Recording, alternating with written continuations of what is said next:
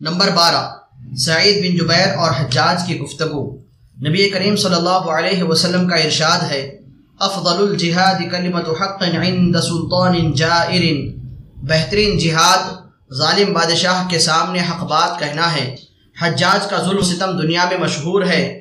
گو اس زمانے کے بادشاہ باوجود ظلم و ستم کے دین کی اشاعت کا کام بھی کرتے رہتے تھے، لیکن پھر بھی دیندار اور عادل بادشاہوں کے لحاظ سے وہ بدترین شمار ہوتے تھے اور اس وجہ سے لوگ ان سے بیزار تھے۔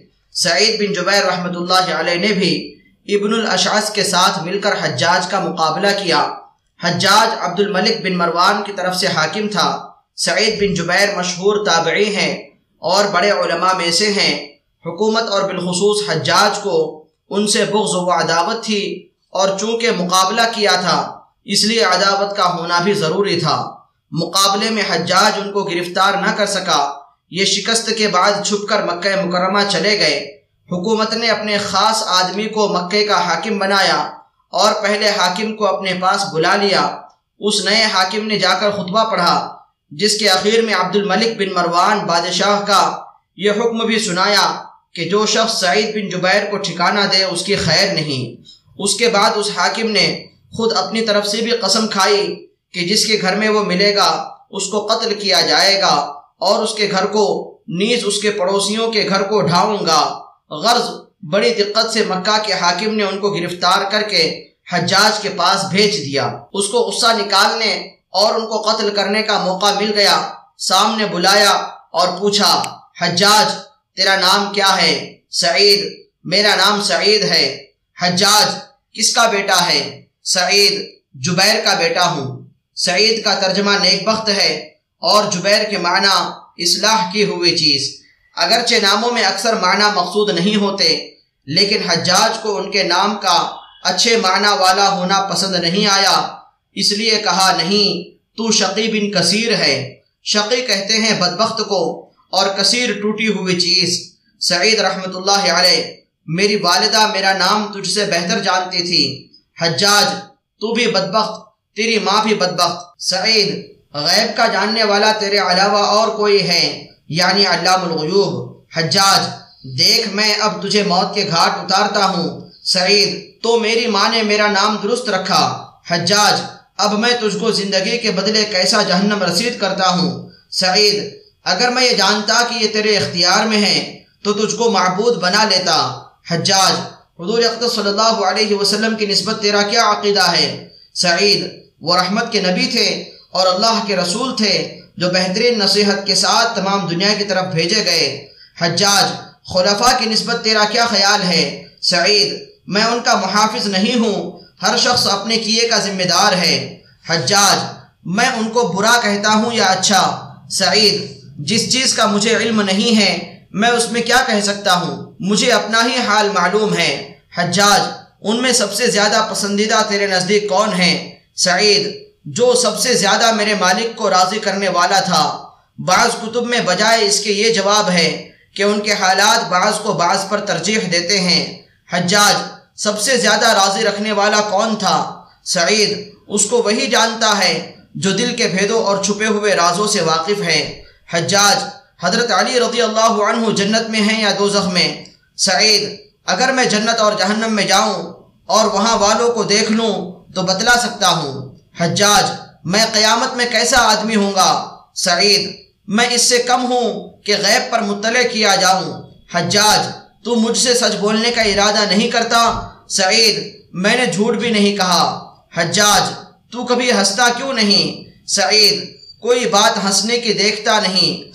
اور وہ شخص کیا ہنسے جو مٹی سے بنا ہو اور قیامت میں اس کو جانا ہو اور دنیا کے فتنوں میں دن رات رہتا ہو۔ حجاج، میں تو ہنستا ہوں۔ سعید، اللہ نے ایسے ہی مختلف طریقوں میں ہم کو بنایا ہے۔ حجاج، میں تجھے قتل کرنے والا ہوں۔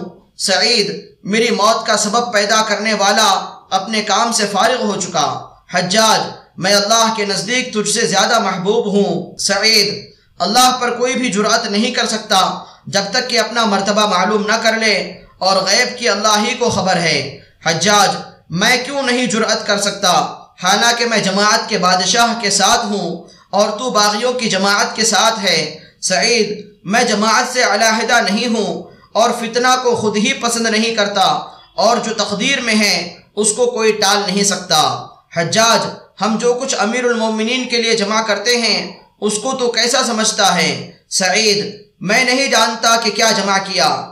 حجاج نے سونا چاندی کپڑے وغیرہ منگا کر ان کے سامنے رکھ دیے۔ سعید، یہ اچھی چیزیں ہیں، اگر اپنی شرط کے موافق ہوں۔ حجاج، شرط کیا ہے؟ سعید، یہ کہ تو ان سے ایسی چیزیں خریدیں جو بڑے گھبراہٹ کے دن یعنی قیامت کے دن امن پیدا کرنے والی ہو، ورنہ ہر دودھ پلانے والی دودھ پیتے کو بھول جائے گی اور حمل گر جائیں گے اور آدمی کو اچھی چیز کے سوا کچھ بھی کام نہ دے گی۔ حجاج، ہم نے جو جمع کیا، یہ اچھی چیز نہیں۔ سعید، تو نے جمع کیا، تو ہی اس کی اچھائی کو سمجھ سکتا ہے۔ حجاج، کیا تو اس میں سے کوئی چیز اپنے لیے پسند کرتا ہے؟ سعید، میں صرف اس چیز کو پسند کرتا ہوں، جس کو اللہ پسند کرے۔